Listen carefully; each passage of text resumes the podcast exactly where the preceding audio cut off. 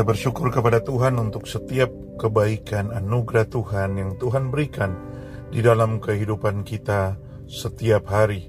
Dan saat ini kita bersyukur untuk kesempatan yang Tuhan berikan untuk kita boleh merenungkan kebenaran firman Tuhan yang diambil dari Lukas 20 ayat 20 sampai 47. Sebelum kita uh, merenungkan bagian ini, mari terlebih dahulu kita berdoa.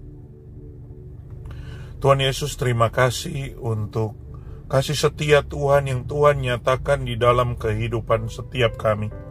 Karena kami tahu ya Tuhan, apa pun yang kami alami, Tuhan tidak pernah meninggalkan kami. Engkau selalu bersama dan menyertai kami. Kami bersyukur dan berbelas kasihanlah kepada kami saat ini, supaya ketika kami merenungkan firman-Mu, firman ini boleh menjadi firman yang hidup, ia menguasai kehidupan kami dan memimpin kami kepada ketaatan kepadamu dan berkati setiap kami supaya kami juga bukan hanya mengalami berkat dari firman Tuhan tetapi kami juga memberkati orang lain melalui kebenaran yang kami terima. Inilah doa kami ya Tuhan. Di dalam nama Tuhan Yesus kami berdoa. Amin. Saudara, Pernahkah saudara memikirkan dengan serius tentang konsep kebangkitan? Di dalam pengakuan iman rasuli, itu dikatakan ada kebangkitan orang mati. Di dalam uh, bagian Alkitab yang kita baca hari ini, Lukas 20 ayat 20 sampai 47, di situ diceritakan tentang suatu kali orang-orang Saduki datang bertanya kepada Yesus tentang suatu isu yang penting, yaitu isu kebangkitan. Pertanyaan orang-orang Saduki ini bukan karena mereka benar-benar ingin mengetahui kebenaran, melainkan mereka hanya ingin menguji Tuhan Yesus. Karena sebenarnya mereka tidak percaya akan kebangkitan. Di dalam Lukas 20 ayat 28 sampai 33 mereka bertanya kepada Yesus, "Guru, Musa menuliskan perintah ini untuk kita. Jika seorang yang mempunyai saudara laki-laki mati sedang istrinya masih ada, tetapi ia tidak meninggalkan anak, saudaranya harus kawin dengan istrinya itu dan membangkitkan keturunan bagi saudaranya itu." Adalah tujuh orang bersaudara yang, yang pertama kawin dengan seorang perempuan lalu mati dengan tidak meninggalkan anak.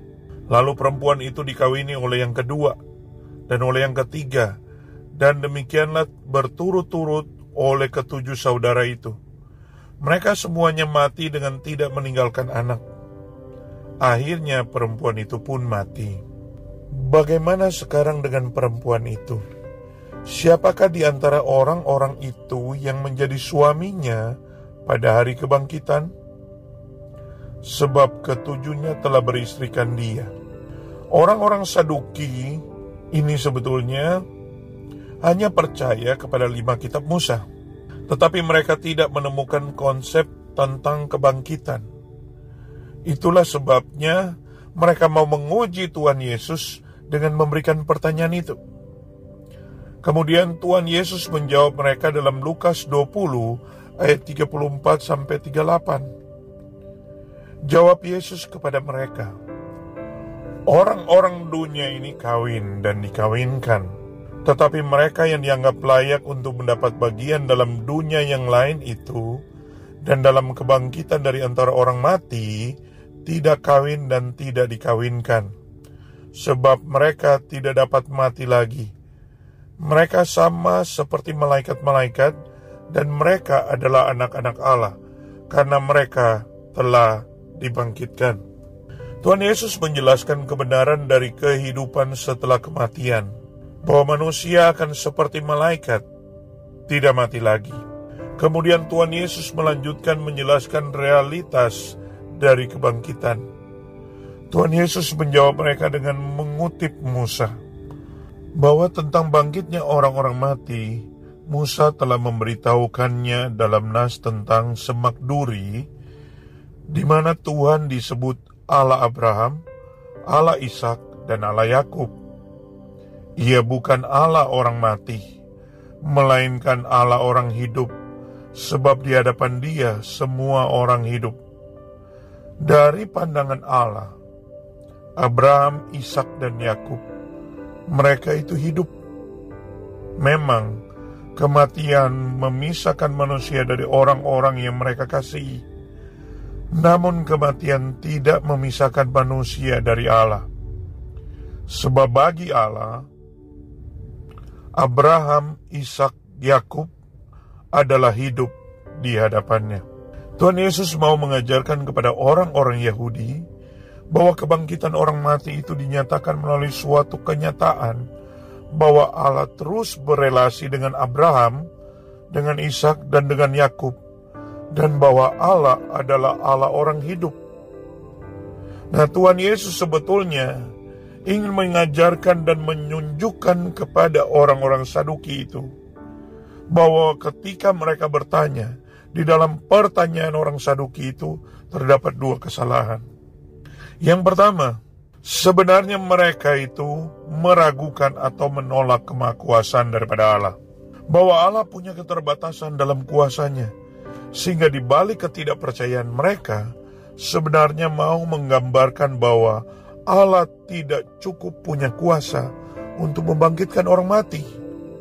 Tetapi sebenarnya, kalau Allah sanggup untuk mencipta manusia, bahkan dalam berbagai keunikan manusia, masakan Allah tidak sanggup untuk membangkitkan manusia? Yang kedua, sebenarnya mereka itu menolak firman Allah.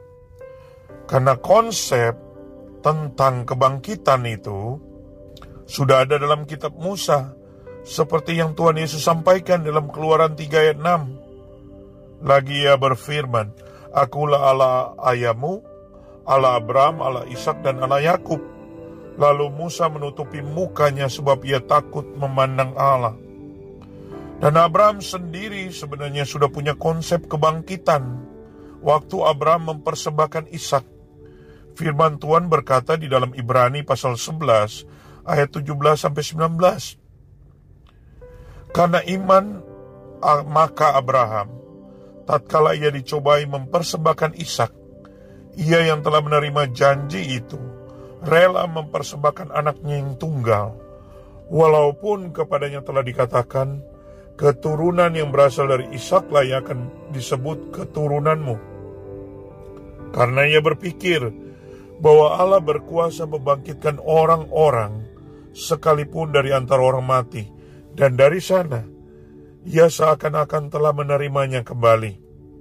Jadi waktu Abraham mempersembahkan Ishak, Abraham sudah tahu bahwa ada kebangkitan orang mati. Jadi orang-orang Saduki ini mereka tidak percaya kepada Allah dan tidak percaya kepada firman Allah. Mereka percaya kepada apa yang mereka mau untuk percaya dan mereka tidak mau percaya kepada apa yang mereka tidak mau percaya. Artinya bahwa mereka itu percaya apa yang menurut mereka itu bisa mereka percaya. Bahwa mereka itu membaca firman Tuhan tetapi mereka tidak mau menerima apa yang tidak sesuai dengan yang mereka percaya. Jadi mereka tidak belajar untuk percaya kepada Allah yang Maha Kuasa itu. Mereka tidak mau belajar untuk percaya kepada kebenaran firman Tuhan yang sudah dituliskan.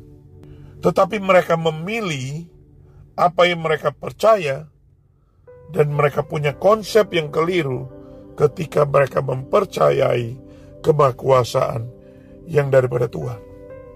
Namun sebenarnya Bapak Ibu, bukankah kita juga sering kali sama dengan orang-orang Saduki? Kita kepa percaya kepada Tuhan. Kita percaya kepada firman-Nya. Apa yang kita suka. Seringkali apa yang kita mau percaya. Sesuatu yang kita tidak mau. Seringkali kita nggak mau percaya. Contoh. Firman Tuhan berkata, Berbahagialah kamu jika kamu menderita, dianiaya. Kalau kamu mau mengikut aku, kamu harus menyangkal dirimu dan memikul salib dan mengikut aku. Ini suatu kebenaran yang sering kali orang-orang percaya sulit untuk menerimanya. Bagaimana bisa berbahagia ketika kita menderita dan dianiaya? Bagaimana kok mengikut Tuhan Yesus? Kita harus menyangkal diri mikul salib dan hidup dalam penderitaan. Bukankah banyak pengajaran-pengajaran di luar sana yang mengatakan bahwa kalau kamu percaya Yesus, kamu akan bebas dari penderitaan, kamu akan bebas dari kesulitan, kamu akan bebas dari sakit penyakit. Kalau kamu mengikuti Yesus, kamu akan mengalami kelimpahan di dalam berkat material, berkat kehidupan dalam dunia ini. Bukankah itu yang sering kita dengar? Dan sering kali kita lebih suka ketika dikatakan bahwa ketika kamu percaya Yesus, kamu akan dipulihkan dan dibebaskan dari semua pergumulan. Kita senang sekali. Padahal jelas-jelas firman Tuhan berkata, yang berbahagia adalah kamu yang menderita dan dianiaya ketika kamu mengikut Yesus dan memikul salibnya. Tapi hari ini kita diingatkan bahwa mari kita percaya kepada Yesus. Kita percaya dia adalah Tuhan yang Maha Kuasa. Mari kita bersandar kepada dia. Meskipun kita di dalam pergumulan, dalam kesulitan. Kita bersyukur kan Tuhan Yesus akan hadir. Memberikan kita damai yang sejati di dalam kehidupan kita, meskipun di dalam pergumulan. Dan mari kita percaya kepada firman Tuhan, bahwa di tengah pergumulan kesulitan yang kita hadapi, Tuhan Yesus hadir bersama dengan kita, dan Dia tidak pernah akan meninggalkan kita. Mari kita boleh menjadi pengikut-pengikut Tuhan yang setia hidup bagi Kristus. Amin. Mari kita berdoa. Tuhan Yesus, kami berdoa. Berkati setiap kami, jemaat Tuhan. Supaya kami mau percaya bahwa Engkau adalah Allah yang Maha Kuasa. Dan kami juga mau percaya kepada firman-Mu. Dan biarlah kami mau setia. Meskipun kami melewati pergumulan kesulitan di dalam hidup ini. Tapi kami percaya Tuhan akan memberikan kami kekuatan, kedamaian, sukacita. Karena Engkau hadir bersama dengan kami. Meskipun di tengah pergumulan, Kau tidak meninggalkan kami. Di dalam nama Tuhan Yesus, kami berdoa. Amin. Tetap semangat, tetap sehat, tetap percaya. Tuhan Yesus memberkati. Amin.